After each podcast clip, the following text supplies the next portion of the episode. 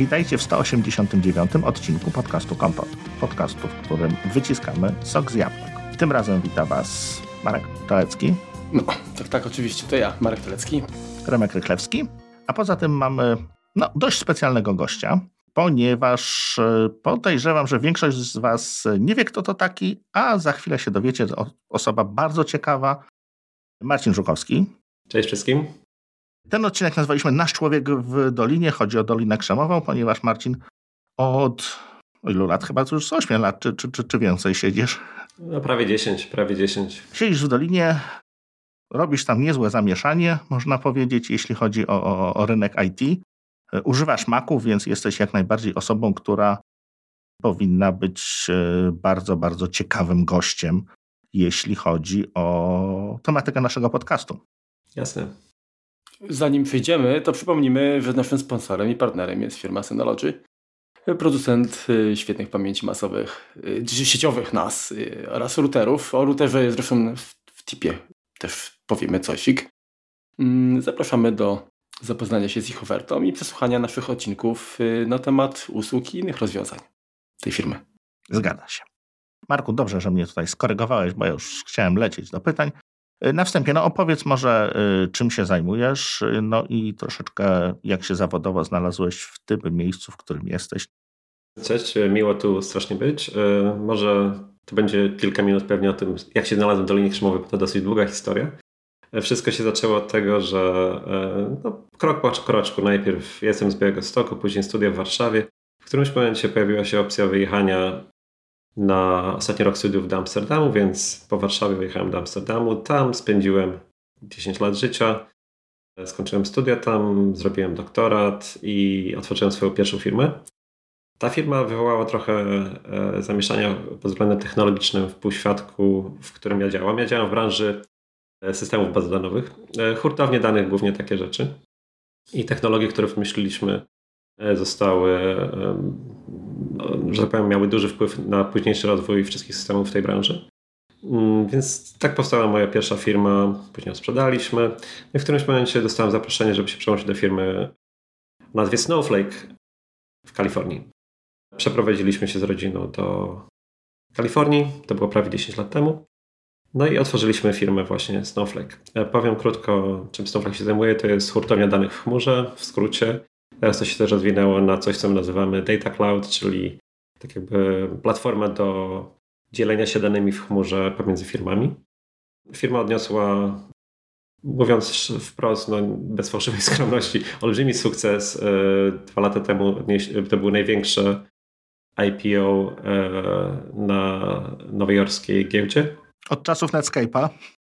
No i e, tak mniej więcej e, to wygląda. Firma jest teraz około 4000 osób. E, wow. Znana na całym świecie.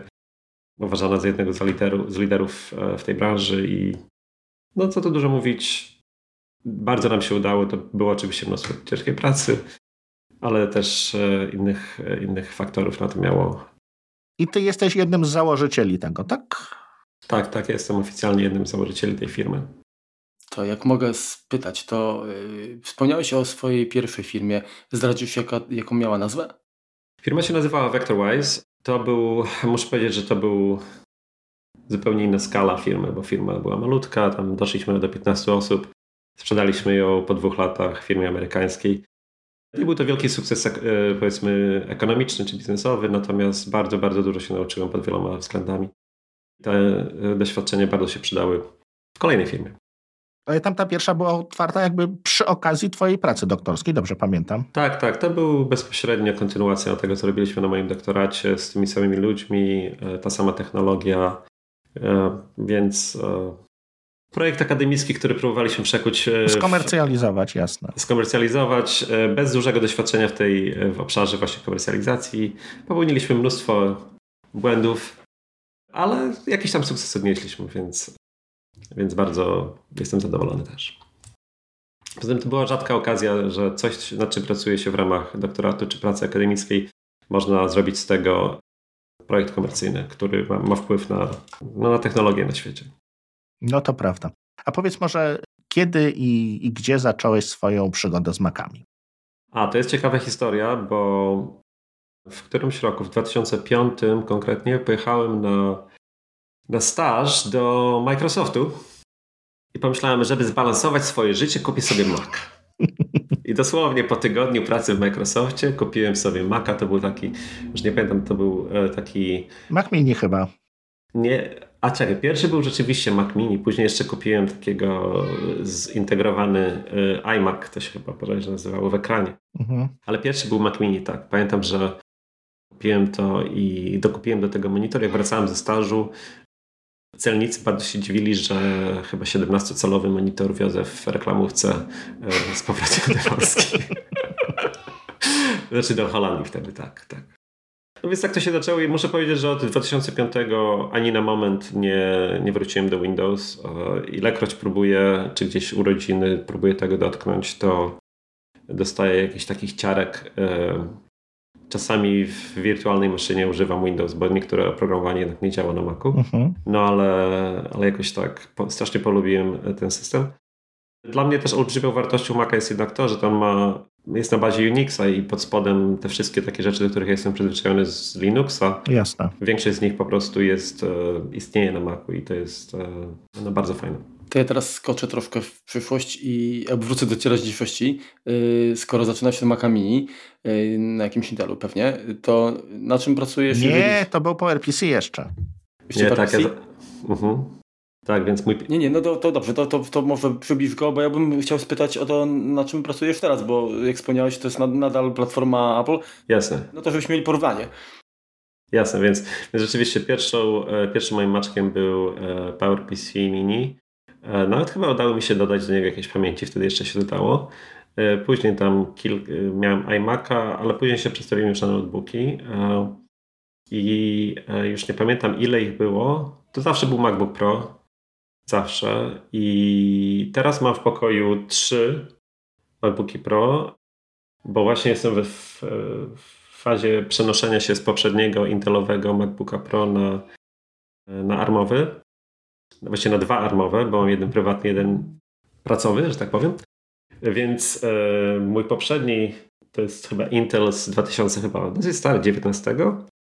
A tutaj obok te dwa armowe to dwa najnowsze modele tego, który jest najwyższy notebookowy Pro czy Ultra? Nie, Ultra to jest chyba. Ultra. U, Ultra? Ale, no, no, ale Ultra nie, jest. Max, Max, Max, Max, Max, Max, Max tak, tak, tak, więc, uh mhm. -huh. Więc mam jednego 14-calowego Maxa z 64 giga i jednego 16-calowego Maxa z 64 giga. I są zaj... przepraszam. Yy, bardzo fajne. Bardzo mocno owocowe. bardzo fajne, bardzo mocno owocowe są. Muszę powiedzieć, że te nowe army, armowe komputery są niesamowite po prostu. Niesamowite. Rzadko przez moje te parę dziesiąt lat zabawy z technologią miałem takie pozytywne wrażenie nowej technologii, jak te nowe właśnie armowe maczki. A tutaj ze zgodnością nie masz problemu w sensie, nie wiem, jakichś tam no, Windowsów już razem nie odpalisz tak, tak prosto. Odpalisz, odpalisz, jak najbardziej odpalisz. Ale tylko armowe?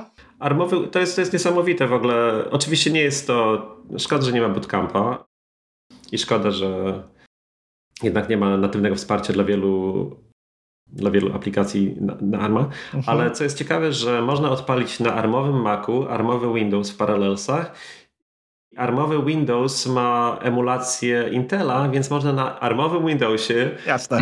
na armowym Macu odpalać Intelowe aplikacje Windowsowe i to działa. No naprawdę byłem w szoku, ale to działa. Więc nawet gry odpalałem jakieś 3D marki. Nie jest to idealne oczywiście, ale działa. Jasne. Powiedz, y, no jesteś, tak jak, tak jak ustaliliśmy, jednym z założycieli no, poważnej takiej firmie w Dolinie. Powiedz, jak to się robi, tak? No bo ty, ty mhm. od, z tego, co mówiłeś, no wybrałeś jakby drogę akademicką, żeby, żeby tam zaistnieć. Czy, czy uważasz, że to jest jakby, nie wiem, dobra metoda, żeby ktoś ewentualnie próbował y, iść twoimi śladami, czy, czy, czy lepiej, czy znasz jakąś krótszą, lepszą, y, lepszą drogę, żeby... Czy to, co działało 10 lat temu, sprawdzi się dziś? tak. To, to wiesz, nie, nie ma, nigdy nie ma jakiejś y, jasnej ścieżki powtarzalnej, że tak powiem. Jeżeli ktoś chce, jeżeli ktoś mnie szczerze pyta, to ja mówię, że ja miałem niesamowite szczęście. To, że mi się udało y, otworzyć firmę na bazie doktoratu, to jest jeden przypadek na, wiesz, na, na, na setki. No ty może. skromny jesteś. No, no, no może też, ale e, więc jeżeli ktoś mnie pyta, czy iść w stronę akademicką, czy biznesową, czy, czy po prostu pójść do pracy, ja zadaję proste pytanie, czy chcesz być w przyszłości akademikiem, czy, czy pracować w firmie.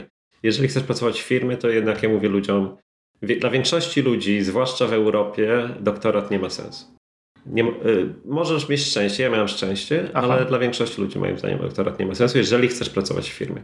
W Stanach to jest trochę inaczej, bo tu jest y, połączenie biznesu i akademii jest trochę silniejsze i w czasie... Czyli ta edukacja jest jakby bardziej skomercjalizowana, jeśli chodzi o... o...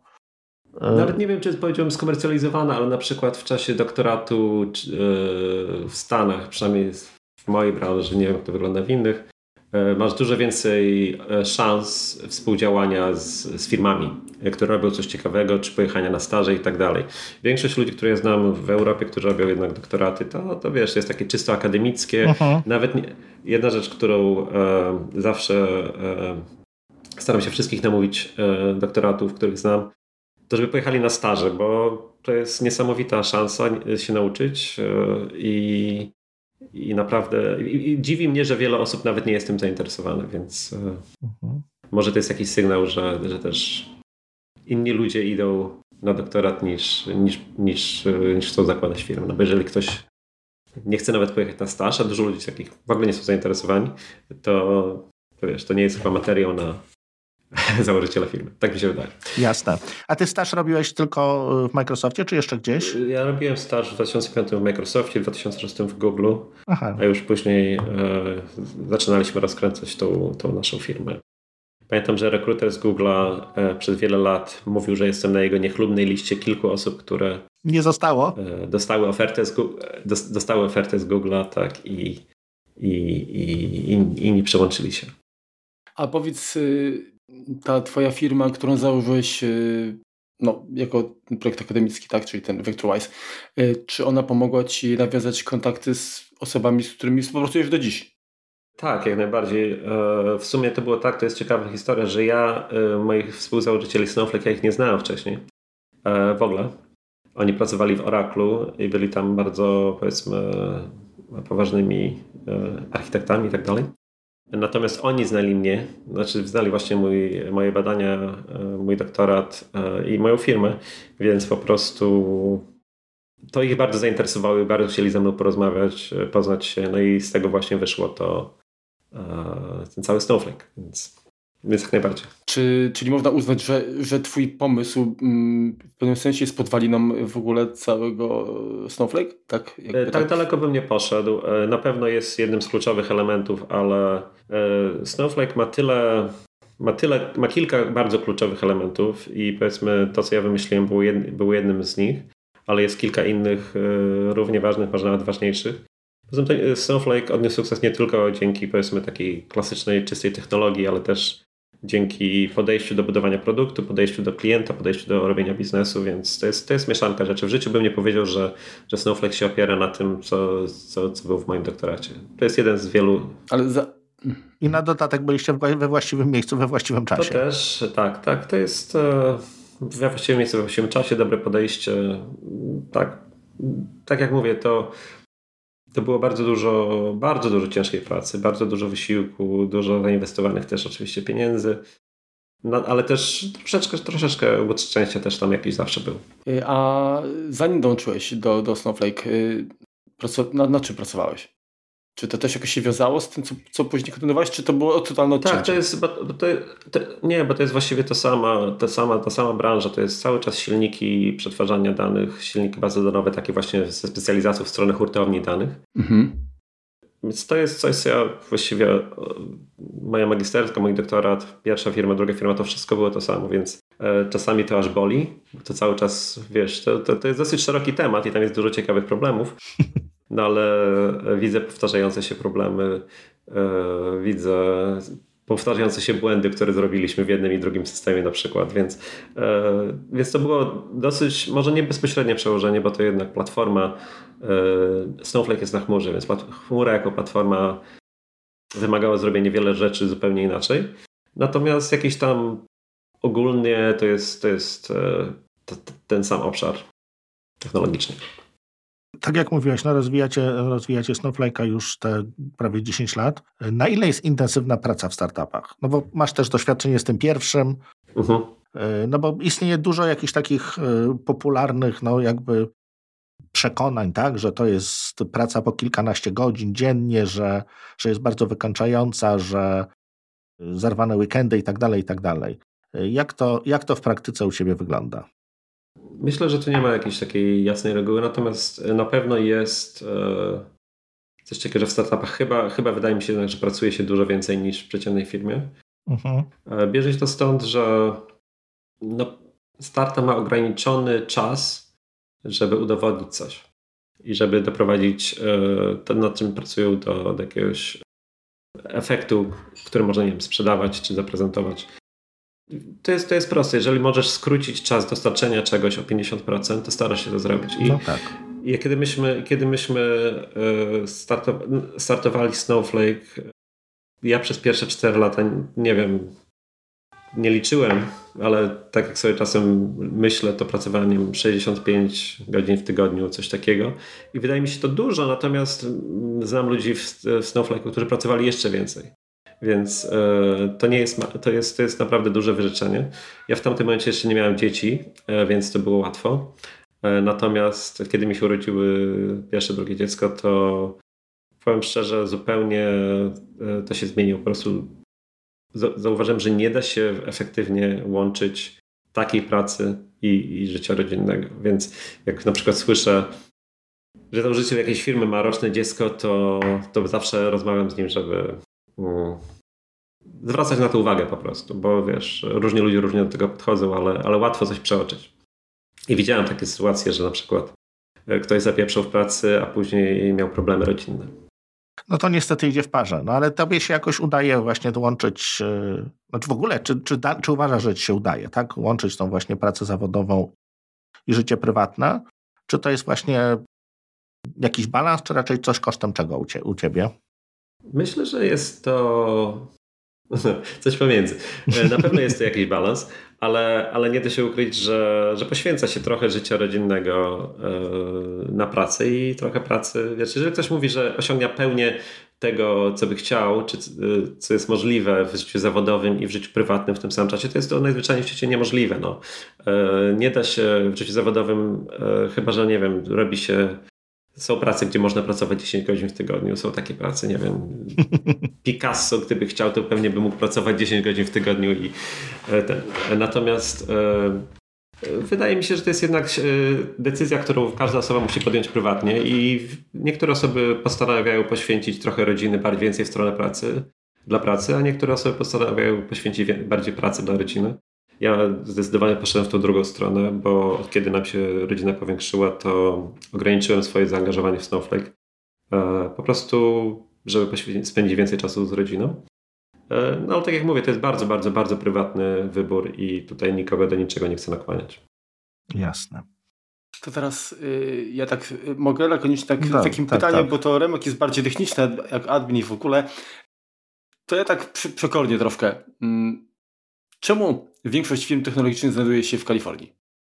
Czemu większość firm technologicznych? Znaczy, Nawet... jaki jest twój odbiór? Bo jesteś tam od dekady, mm. więc obserwujesz też, widzisz co tam się dzieje, ile tych firm jest. Pewnie wiele powstaje i wiele też umiera krótko. Tak myślę, że, że to, tak, jasne, niestety jasne. nie mają długiego żywota, nie, nie wszyscy, nie wszystkim się udaje, ale jednak y, no, gdzieś ten grunt jest tam bardziej taki chyba sprzyjający. Jasne, to jest, to jest mieszanka myślę kilku rzeczy.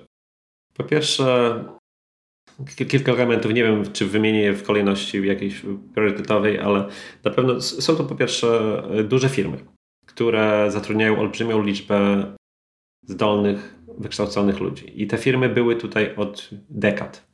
To wiesz, e, był tu IBM, Hewlett Packard, e, Microsoft miał swój oddział, później się e, Silicon Graphics tutaj było. Oracle Sun. Oracle Sun, Xerox. To wszystko, to wszystko było tutaj w okolicy. Więc ci ludzie sprowadzali.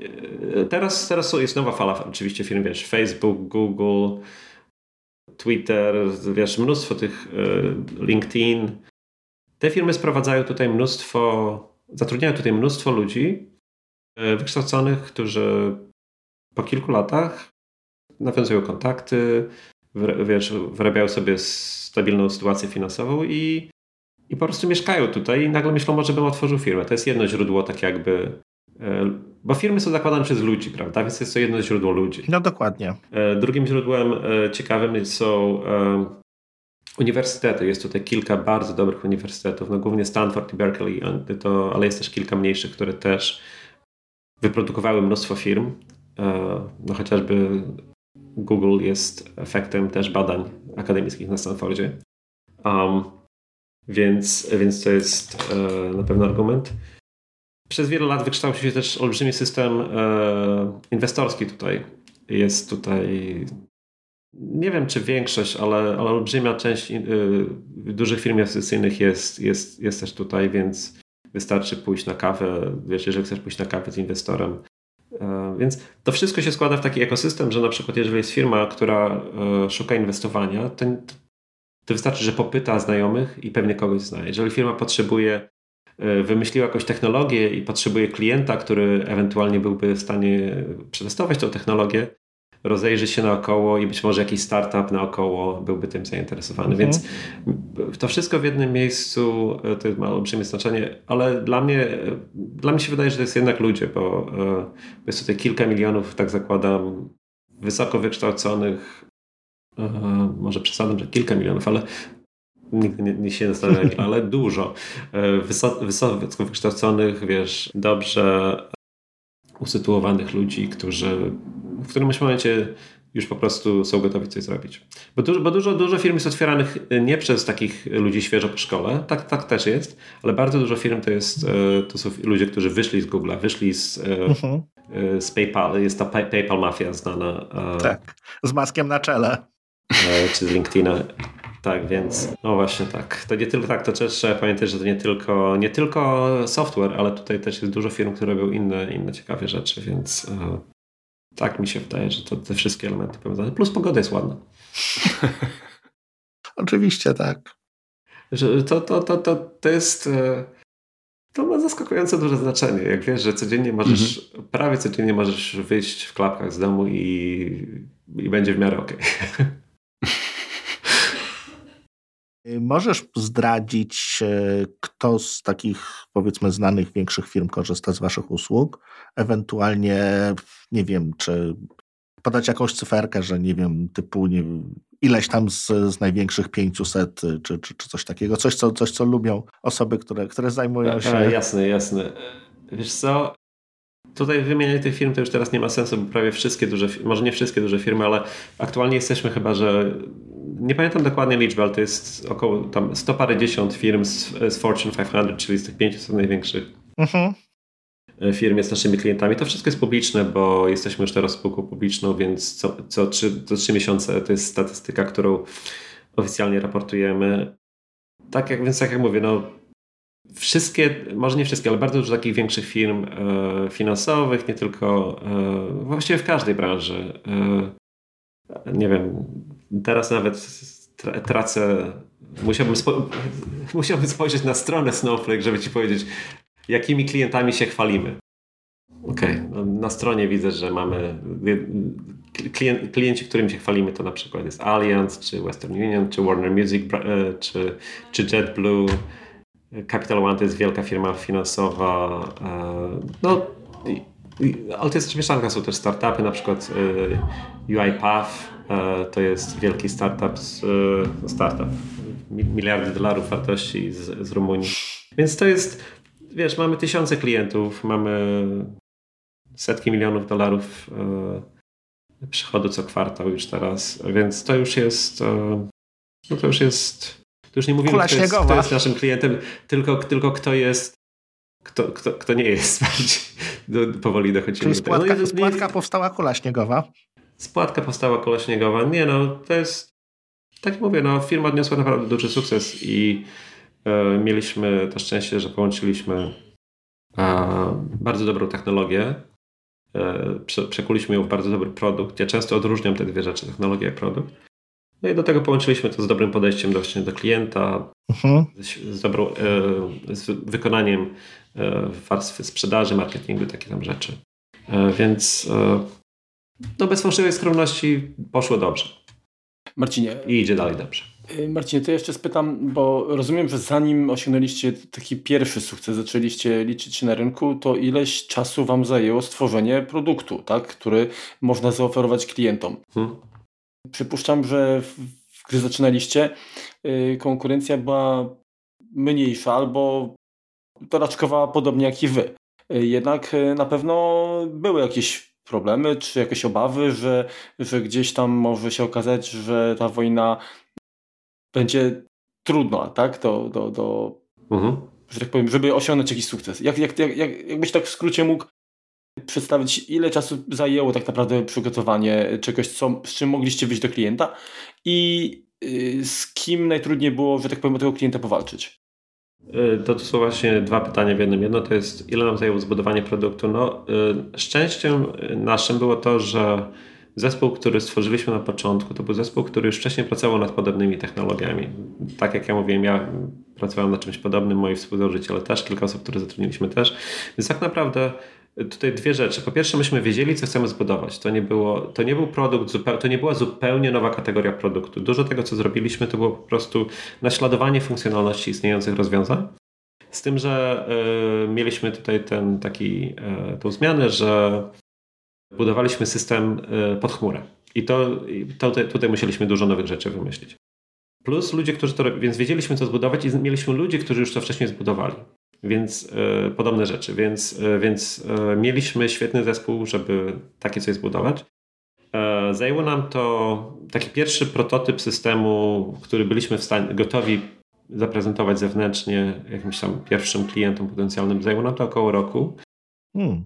Po mniej więcej półtorej roku chyba, czyli dosyć szybko, jak na no coś no tak. takiego. Po jakimś półtorej roku mieliśmy już na pierwszego, pierwszego płacącego klienta, ale zajęło nam, niech pomyślę, e, dwa i pół roku, żeby dojść do, do GA, czyli do wersji 1.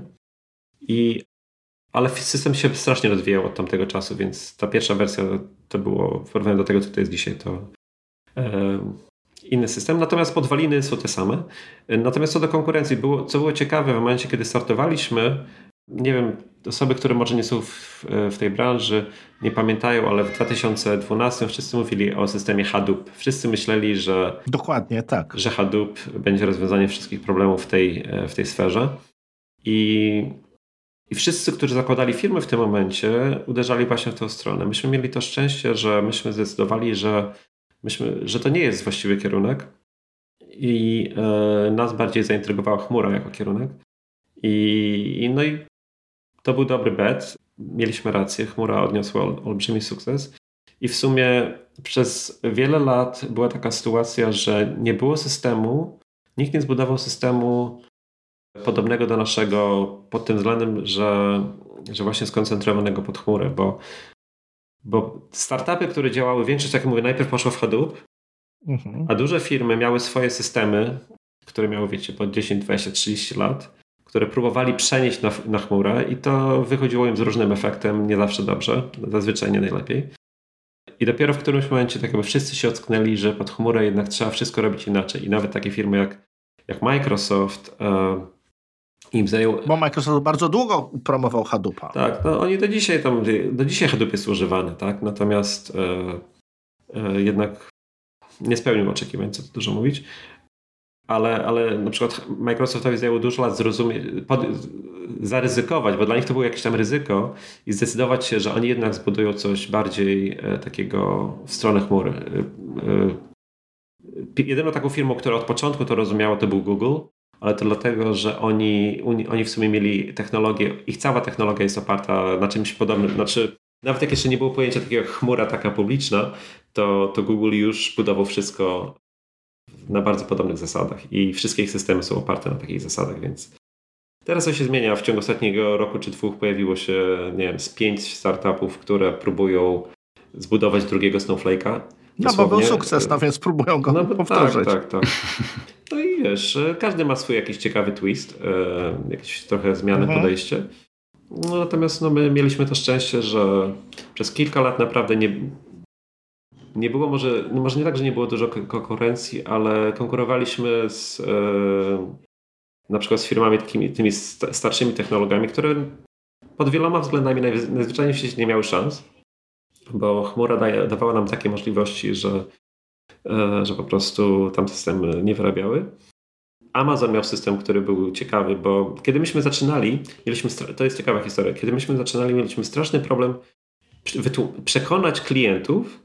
No właśnie miałem o to pytać. Że, że, że, że hurtownia danych czy baza danych w chmurze e, to jest coś sensownego, bo wiecie, to 10 lat temu wyglądało inaczej niż teraz. Wtedy jeszcze naszym głównym problemem nie było sprzedawanie Snowflake'a, tylko było przekonywanie ludzi do chmury. Że jest im to w ogóle potrzebne do czegoś.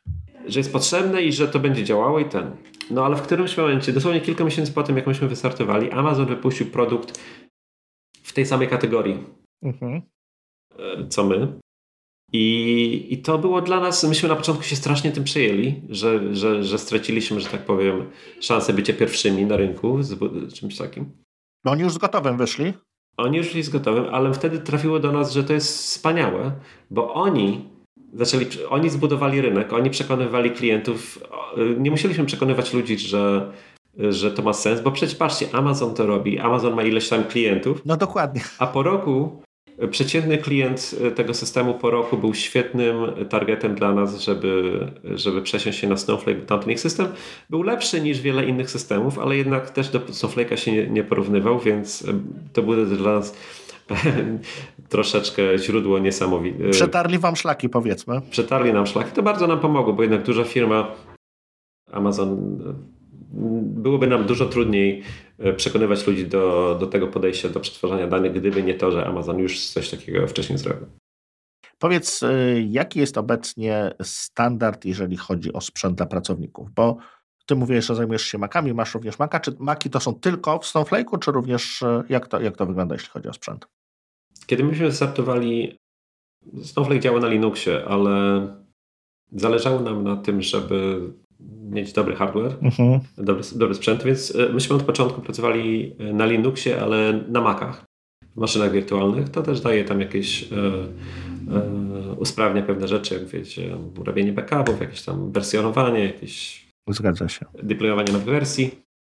Plus oczywiście na Linuxie dużo software'u, który jest potrzebny, nie działa.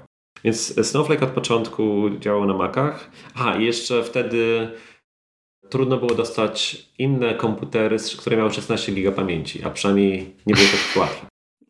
A, bo z maszynami wirtualnymi, prawda, lubimy mieć dużo pamięci. Zgadza się.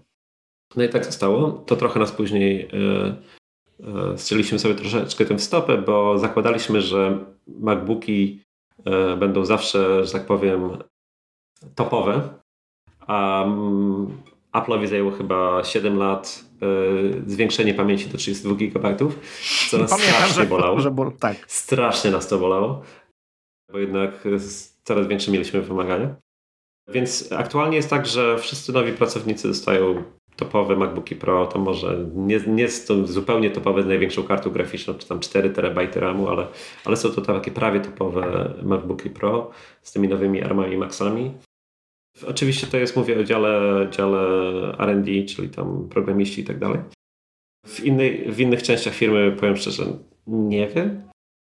Ale też y, używamy chmury jako platformy do bardzo, bardzo wielu rzeczy, więc dużo ludzie mogą kodować lokalnie, ale też dużo rzeczy robią, robią zdalnie w chmurze, więc myślę, że docelowo mm, coraz mniej, że tak powiem, sprzęt, który masz na biurku będzie, y, będzie ważny. To jest tak. I w wielu firmach, w wielu firmach naprawdę to już e, w Google na przykład e, mógłbyś efektywnie używać Chromebooka do, do, do budowania wielkich systemów, bo, bo wszystko, jest, wszystko jest w przeglądarce na przykład.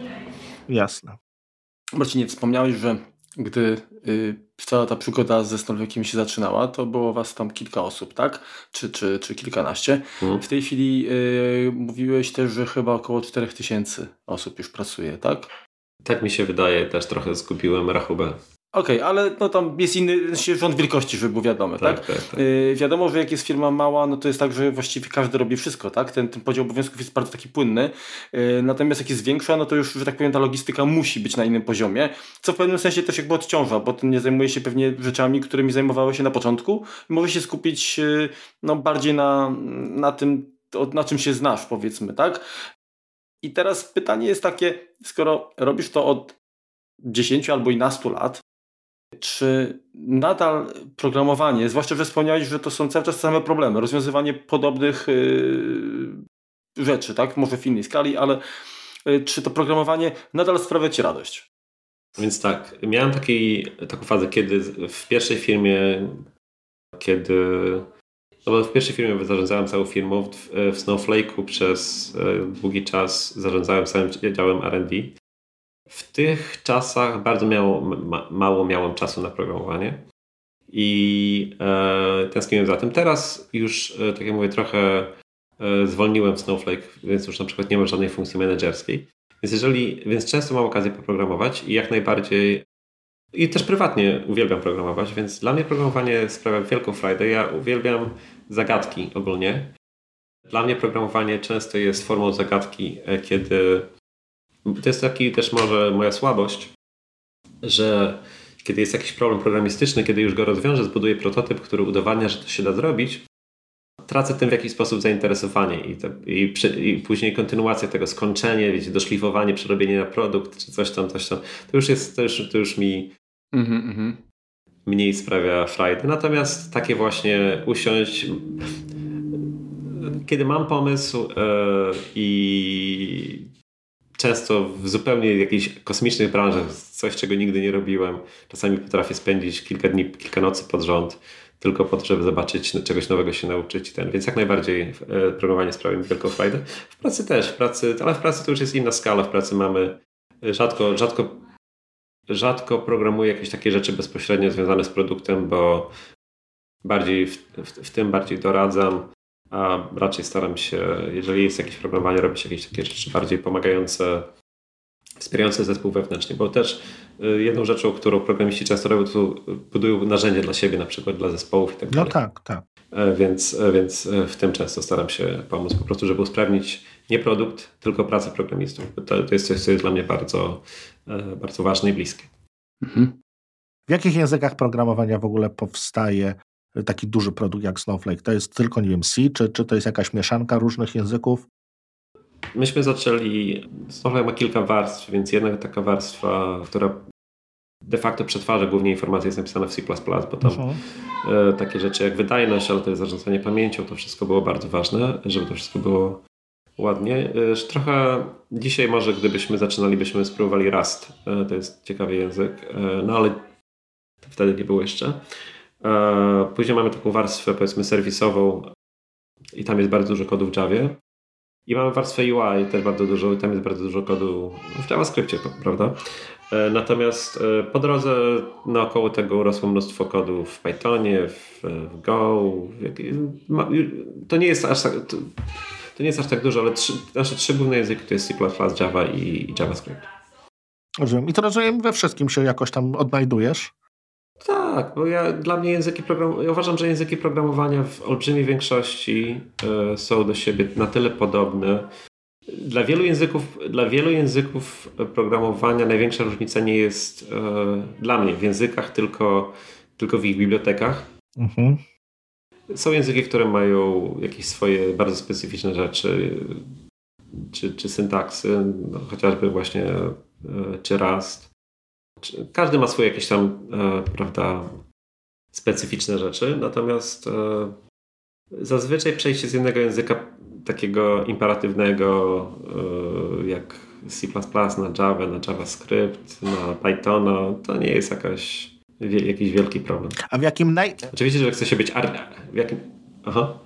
No mów, mów. W jakim najbardziej? W jakim nie, w jakim najdziwniejszym języku da, y, dla, dla Snowflake'a coś, coś yy, tworzyłeś? A, dla Snowflake'a? Oj. Takim może efemerycznym powiedzmy, no. Mało, rzadko spotykanym. To był JavaScript, ale to, to nie był, właśnie to nie był język, tylko to był framework do budowania aplikacji webowych. Kurczę, jak on się nazywał? XJS czy coś takiego? Już nie pamiętam.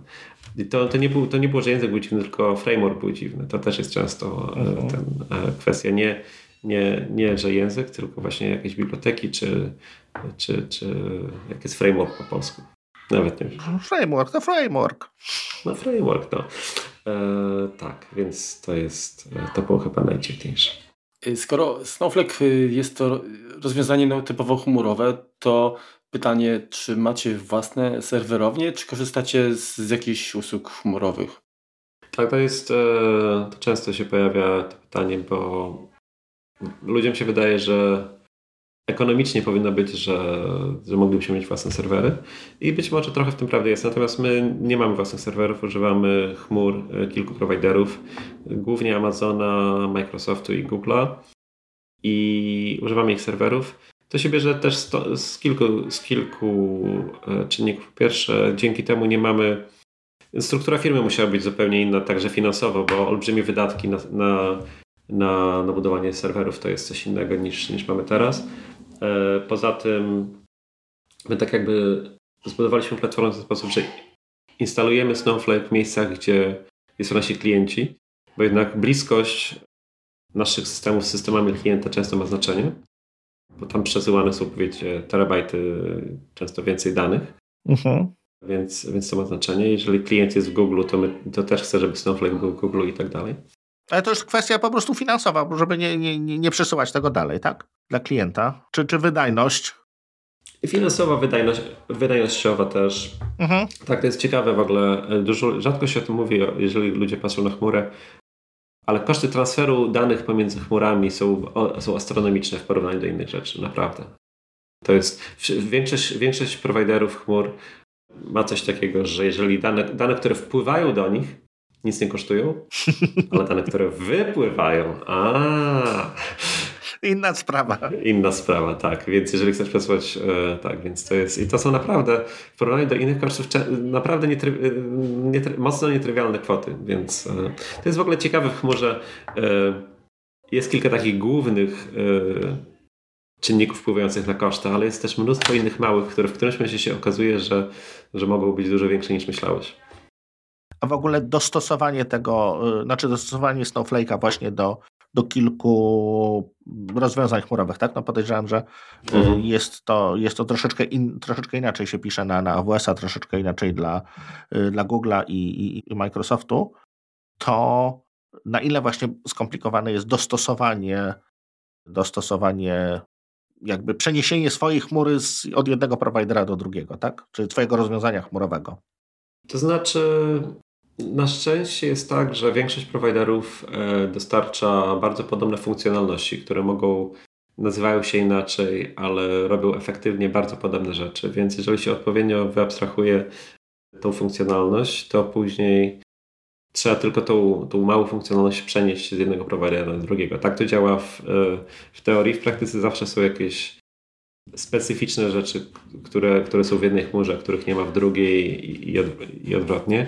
Czy, czy to jest funkcjonalne, czy są problemy, które się pojawiają. Maszyny mają różne, powiedzmy, w jednej chmurze, powiedzmy, kiedy dostaniesz 8, 8 procesorów, to będziesz miał więcej pamięci w innej mniej, więc to wszystko trzeba jakoś tam sposób e, dostosować. E, pod względem operacyjnym to jest olbrzymi problem tak naprawdę, bo jednak my musimy monitorować kilkadziesiąt aktualnie e, instalacji Snowflake'a, a, działających w różnych chmurach, właśnie w różnych geografiach. Więc... Bo macie jeszcze podział, że AWS ten, AW... znaczy w zależności od serwerowni, gdzie to jest. Tak, tak, tak. Jasne. Więc mamy w, w, różnych regionach, bo też transfer e, pomiędzy regionami w chmurach też jest bardzo kosztowny. Mhm. E, no i wydajność też ma znaczenie. E, więc poza tym my używamy też tego do chociażby czegoś takiego jako nie wiem jak jest failover po polsku. Jeżeli jeden padnie, to że możemy działać w drugim. Nadmiarowość. Tak, nie, redundancy to jest nadmiarowość. Failover to jest, jak co jeden padnie, to że możesz się przełączyć na drugi. A więc nie wiem jak to ten. Ale to ma powiązane jest. Mhm. Więc no i tak jak mówię, to jest potrzebne po prostu dla naszych klientów. Jest, jest też coś takiego, że często yy, Snowflake yy, używa danych, które nawet nie są ładowane, to coraz więcej tak naprawdę, które nawet nie są ładowane do Snowflake, tylko Snowflake jakby obrabia dane, które klient gdzieś trzyma i to wtedy też warto jest, żebyśmy byli blisko tych danych. Jasne. To czym y, zarządzacie może tym tą, tą, tą całą chmurą, jak również czym zarządzacie komputerami, tak? Czy, czy, czy, czy, czy maszynami. Korzystacie pewnie z jakichś, jakichś takich rozwiązań, które pomagają właśnie to ogarnąć.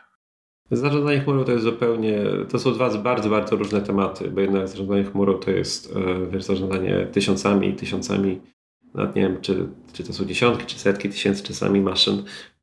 To już e, każdy, to jest mieszanka, mieszanka wewnętrznych narzędzi, mieszanka zewnętrznych narzędzi, mhm. mieszanka tego, co, co, co, co dają nam prowajderzy e, chmur. Więc to jest, to nawet nie, powie, nie, nie wiem, jak na to odpowiedzieć. Natomiast jeżeli chodzi o zarządzanie Macami, e, no to wiem, że nasze IT ma jakieś tam swoje systemy, bodajże Jamf, nie wiem, tak to się wymawia? Coś takiego jest, tak. tak. Jest Jamf, e, który tam jakiś zewnętrzny ten.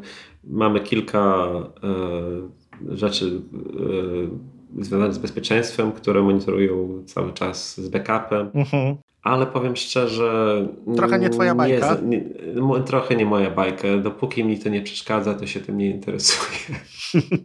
ale, ale nie, ale, ale to jest bardzo duży, to jest bardzo duży temat dla naszego ciała IT, bo jednak bezpieczeństwo to jest um, no, najważniejszy potencjalnie atrybut systemu. Jeden z... No tak, no bo macie dostęp do danych klientów, no więc to jest krytyczne. Tak, tak, tak, więc, więc, więc e, obostrzenia, jakie jakie mamy na, na nas, pracownikach, e, są potrzebne, ale są jednak, e, jak pomyślę, jak to, jak, jak, jak mogliśmy robić, rób ta co chce ta na początku. Jak to było e, to teraz, jak to było, to było jednak trochę inaczej.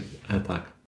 To ja mam troszeczkę pytanie, ściągnę cały czas jakby bliskie temu tematowi, ale trochę chciałbym spojrzeć szerzej. Jak wygląda prowadzenie biznesu na taką skalę y, z perspektywy mieszkania i, i prowadzenia tego w Stanach Zjednoczonych y, w porównaniu do Europy y, czy, czy Polski już w szczególności. Mm, no bo domyślam się, że macie jakichś klientów w naszym kraju, tak, na swój produkt.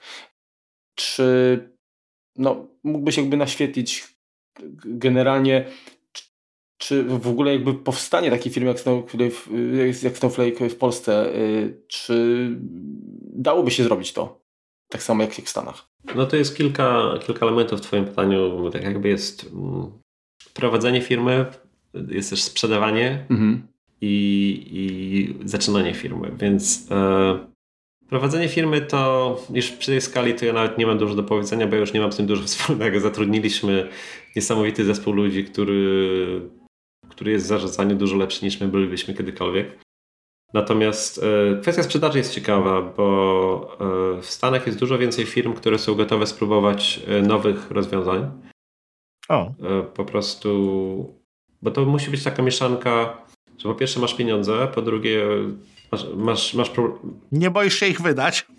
Masz problemy technologiczne, to jest też, to jest też ważne i jesteś otwarty na więc wielu naszych pierwszych klientów, to wiecie, to były firmy, nie wiem, dziesiątki, warte dziesiątki, setki milionów dolarów, które były startupami, które, e, które miały problemy technologiczne. No w Polsce znalezienie kogoś, kto byłby.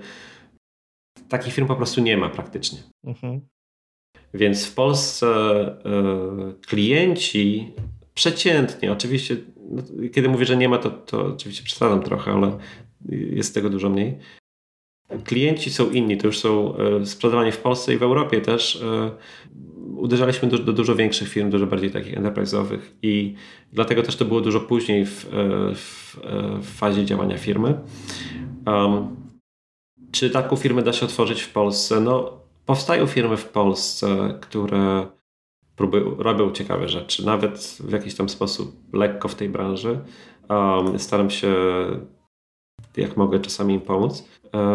No, wydaje mi się, że jest to bardzo trudne z kilku względów. Po pierwsze, dostęp do, do ludzi, którzy taką firmę są w stanie zbudować. W Polsce jest dużo bardzo mądrych ludzi, bardzo inteligentnych, ale wielu z nich nie jest e, gotowych podjąć jakiegoś ryzyka na przykład zaczęcia firmy, to widzę bardzo często, że... To ci, to ci przerwę, bo prowadzenie biznesu, biznesu w Polsce to jest już duże ryzyko. To jest już duże ryzyko. No być może. Dostęp też do klientów. No, jeden pattern taki, który widzę, to to, że firmy się otwierają w Polsce, ale bardzo dużo z nich po pewnym czasie przenosi się do Stanów. I jak popatrzysz, e, bo i w Stanach pod względem biznesowym, pod względem, jak już, jak już wchodzisz w etap tak jakby sprzedaży, to robienie tego z Polski jest dużo trudniejsze niż na przykład ze Stanów. Więc i to widziałem już w bardzo wielu firmach, z którymi miałem kontakt. Jedna rzecz, która jest ciekawa, to mi się wydaje, że się zmienia, że jest nowe pokolenie. Ja jestem z 77 roku, więc już trochę.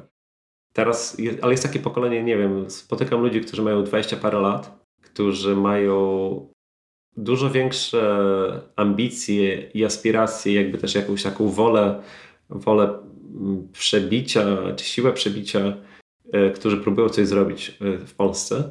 I, I to jest bardzo fajne, to mi się bardzo podoba to jest takie, ja mam czasami takie przemyślenie, że ludzie, którzy się wychowali jak nic nie było, jak e, to jest jakaś taka, zaryzykować wszystko jest dużo trudniej. Taka trauma troszkę. No trauma może nie, ale jakaś taka, taka, taka taki ślad zostaje jakiś taki w psychice, że jednak wiesz, że, że bo dużo ludzi, którzy z mojego pokolenia, powiedzmy, z którymi studiowałem, E, na przykład e, osiągnęło sukces zawodowy, poszło, pracuje w dobrych firmach i tak dalej. Ale myślę, że dla nich zaryzykować to rzucić na przykład e, jest dużo trudniej niż dla ludzi właśnie z tego względu, że oni pamiętają jak to jest, jak nie ma rzeczy, nie? Uh-huh. Niż osoby, a jednak duża część aktualnego polskiego społeczeństwa wychowała się dużo większym dobrobycie niż powiedzmy dwudziestolatkowie dzisiaj wychowali się w zupełnie innym środowisku niż my. E, więc e, wydaje mi się, że im jest może pod takim względem jakimś e, nie mają takiej, takiej blokady czy czegoś takiego i, i, są gotowi, nie mają, nie mają jakichś takich też, jak to się mówi? Zahamowań? Zahamowań. Blokad. Jest takie słowo, kompleksów, nie mają kompleksów, o, nie mają też kompleksów, wiesz? Tak, nie mają też kompleksów. widzą, wiesz, mhm. jak teraz pojedziesz do Berlina, to Warszawa, Berlin, wiesz, wygląda tak samo, nie? Więc yy, po prostu ludzie myślą, kurczę, oni mogą, to my też. My, ja pamiętam, że z moich czasów ja studiowałem na najlepszym potencjalnie wydziale informatyki w Polsce i ludzie nie wierzyli na przykład, że, że są w stanie dostać się na staż do Google'a, przykładowo, nie? Bo to było w ogóle nie, niewyobrażalne. A teraz ludzie wiedzą, że, że, to jest jak najbardziej, że to wszyscy... Jest to w zasięgu, że, tak. wcale nie, że wcale jest, jest, jest to w zasięgu, wcale nie jesteśmy gorsi i tak dalej, nie? Bo dla nas to było takie wszystko mityczne, jakieś takie tam, więc wydaje mi się, że trochę może coś z tego e, to nowe pokolenie e, trochę nam namiesza pozytywnie. No to bardzo, mhm. bardzo fajnie, że optymistycznie. Tak, a jeżeli chodzi o tych klientów, to, to właśnie dużo jest w Polsce klientów na wasz, wasz używających e, waszego produktu i czy tak naprawdę Powiem szczerze, mhm. wymagało to od was, nie wiem, utworzenia jakiejś chwili, czy może Jakaś... Mamy, tak, mamy jak najbardziej zespół sprzedażowy w Polsce, bardzo fajni ludzie. E, nie wiem e, o ilu z klientach e, mogę otwarcie mówić. Na pewno Żabka jest naszym jednym z flagowych klientów w Polsce. Żabka to jest niesamowita firma, bo wszyscy myślą Żabka, że nikt nie, nikt nie myśli o Żabce jako firmie technologicznej. Ale jak się przyjrzysz, co oni robią, to oni inwestują olbrzymie E, zasoby. W, e, Wystarczy kamery policzyć w jednym sklepie. Tak, oni, oni naprawdę, jeżeli chodzi o bycie takiej cutting edge technologii, to, to Żabka robi naprawdę dużo niesamowitych rzeczy. I to jest, to jest w ogóle ciekawy temat. Tak, nikt by nie pomyślał, że, ża że taka żabka, nie? A, a to jest naprawdę, ja tam za kilka osób naprawdę robią fajne rzeczy. Ciekawe. Dobrze, będziemy tak powolutku, powolutku kończyć, bo też nie chcemy y, nadużywać twojej, Twojego czasu. Może na koniec takie pytanie troszkę, troszkę bardziej skomplikowane, trochę bardziej rozbudowane. Nie chwaliłeś się, ale jesteś również y, uznanym autorem gry jednej. Jest, jest to jedna. Jest to nie masz co śmiać, jest to jedna z najlepszych gier na Atari. To nie jest mój pom, nie jest mój wymysł, tylko, tylko jest na wielu listach, na przykład Retro Gamera w pierwszej dziesiątce. Więc no, nie jest to powiedzmy gra super stara, super nowa, tak napisana bodajże w 90. E, nie, 2000, 2007. 2007, ojejku, 2007. No to tak. Przeportowana na wiele, wiele platform. Commodore 64 Amigowa port teraz powstaje. Czy planujesz kontynuację, czyli Jumpa drugiego? Nie, nie, nie. Miło, że o tym wspomniałeś. Tak, to moja przygoda z komputerami właśnie się zaczęła od Atari. Tak zresztą poznałem Remka tutaj. Stąd nasza znajomość, tak jest. tak, e, natomiast e, nie sądzę. Czasami myślę o powrocie do czegoś takiego, natomiast strasznie się cieszę, że ta gra rzeczywiście odniosła taki, yy, nie wiem, może nie, nie tyle sukces, co zyskała, że tyle ludzi ją lubi i, i że na tyle, ludzi, na tyle ludzi ją lubią, że właśnie portują ją na nowe platformy. Właśnie w tym roku, dosłownie kilka dni temu wypuścili pierwszą wersję taką playable na Amigę. Mhm. Zresztą bardzo fajną, więc e, to jest, to, jest, to, jest, to jest miłe, że tak powiem. Miłe, że, że coś takiego też się udało zrobić. Dlatego z, z, bardzo fajną grupą ludzi też nie będę dużo ukrywał. Po prostu mamy, mamy grupę przyjaciół, którzy lubią te takie retro rzeczy i z nimi to się udało zrobić kilka, no, kilkanaście już lat temu. No to my na zakończenie, jak zwykle, Quick Tipa Synology. Zgadza się, także troszkę dam Ci odetchnąć yy, i naszemu gościowi również. Dziś Quick Tip taki, taki no, powiedziałbym lekki bardzo. Mianowicie mm, niektórzy słuchacze wiedzą, że pojawił się nowy router w ofercie Synology, konkretnie model RT6600 AX. Załączymy y, Wam link do informacji o produkcie, gdzie możecie porównać go z poprzednimi modelami, czyli RT2600 i MR2200 mm, i zdecydować, czy być może są elementy, które Was przekonają do zainwestowania. Nie jest on w tej chwili jeszcze przynajmniej w momencie, kiedy nagrywamy, mm, dostępny od ręki. Y, trzeba na niego chwilkę poczekać. Natomiast cena jest y, przynajmniej zweryfikowana y, w jednym źródle na poziomie 1699 zł. Także musicie się na taki rząd wielkości, taki wydatek przygotować. I drugi link, który również y, dołączymy, to jest informacja na temat mm, SRMA, czyli platformy tego systemu operacyjnego, y, który, na którym, pod którym pracuje y, nowy router w wersji 1.3. Dlatego, że poprzednie pracują jeszcze na 1.2.5 i sprawdzicie sami po prostu, co Was czeka, w, no, gdy zainwestujecie w takie rozwiązanie. A, czekaj, to jeszcze, to jeszcze ja dodam. Tak. A chciałem powiedzieć, że ja też mam Synology w domu. Też masz Synology w domu, okej. Okay. Tak, jakiś tam serwerek mały stoi, znaczy serwerek, jakiś zewnętrzny, taki dysk sieciowy, tak? Dysk sieciowy stoi. Uh-huh. Spoko. Mam nadzieję, że coś z tego skleicie, coś. Na pewno coś tak. wyjdzie, to dobrze. dobrze. To jeszcze się tylko pożegnamy. No. To bardzo Ci dziękuję, Żuczku Marcinie, za to, że, że do nas padłeś. Mam nadzieję, że e, nie, nie, nie, za, nie zanudziliśmy Cię pytaniami, były może troszkę troszkę inne niż zwykle. Mamy taką nadzieję. Mamy na... Nie, bardzo, bardzo mi się podobało. Y, liczę. No ja również cieszę się, że miałem okazję Ciebie poznać i tak chciałem zauważyć, że, że, patrząc na Twoje nazwisko, to Ty powinieneś mieć nick na Twitterze Żok, a nie, a nie, a nie Remek. Wiesz, bo to jest mało tak, znana to... kwestia. My jesteśmy ksywnikami. My jesteśmy ksywnikami. Myśmy się poznali, w, myśmy się poznali na giełdzie komputerowej. Na Grzybowskiej. Na Grzybowskiej lat temu 20 ponad. Ojej, już dochodzi do 30, prawdopodobnie. Dokładnie. Tak. E, kiedy w momencie, kiedy usłyszałem, że ktoś mówi do kogoś na giełdzie na Grzybowskiej Żuczku. Obydwaj się odwracaliśmy. I myślałem, że to do mnie, a to było do, do Remka i tak się poznaliśmy, więc niesamowita historia. No. Dobra. Dobrze, dziękujemy. Mam nadzieję, wierzymy, że, że słuchaczom też się spodoba i, i zapraszamy słuchaczy za tydzień do. To już będzie Apple Keynote. To już po keynote. Do, do, a ciebie zapraszamy do odsłuchu kompotu. No. Dzięki. Dzięki, trzymajcie się. Miał czas. Na razie, cześć, cześć. cześć.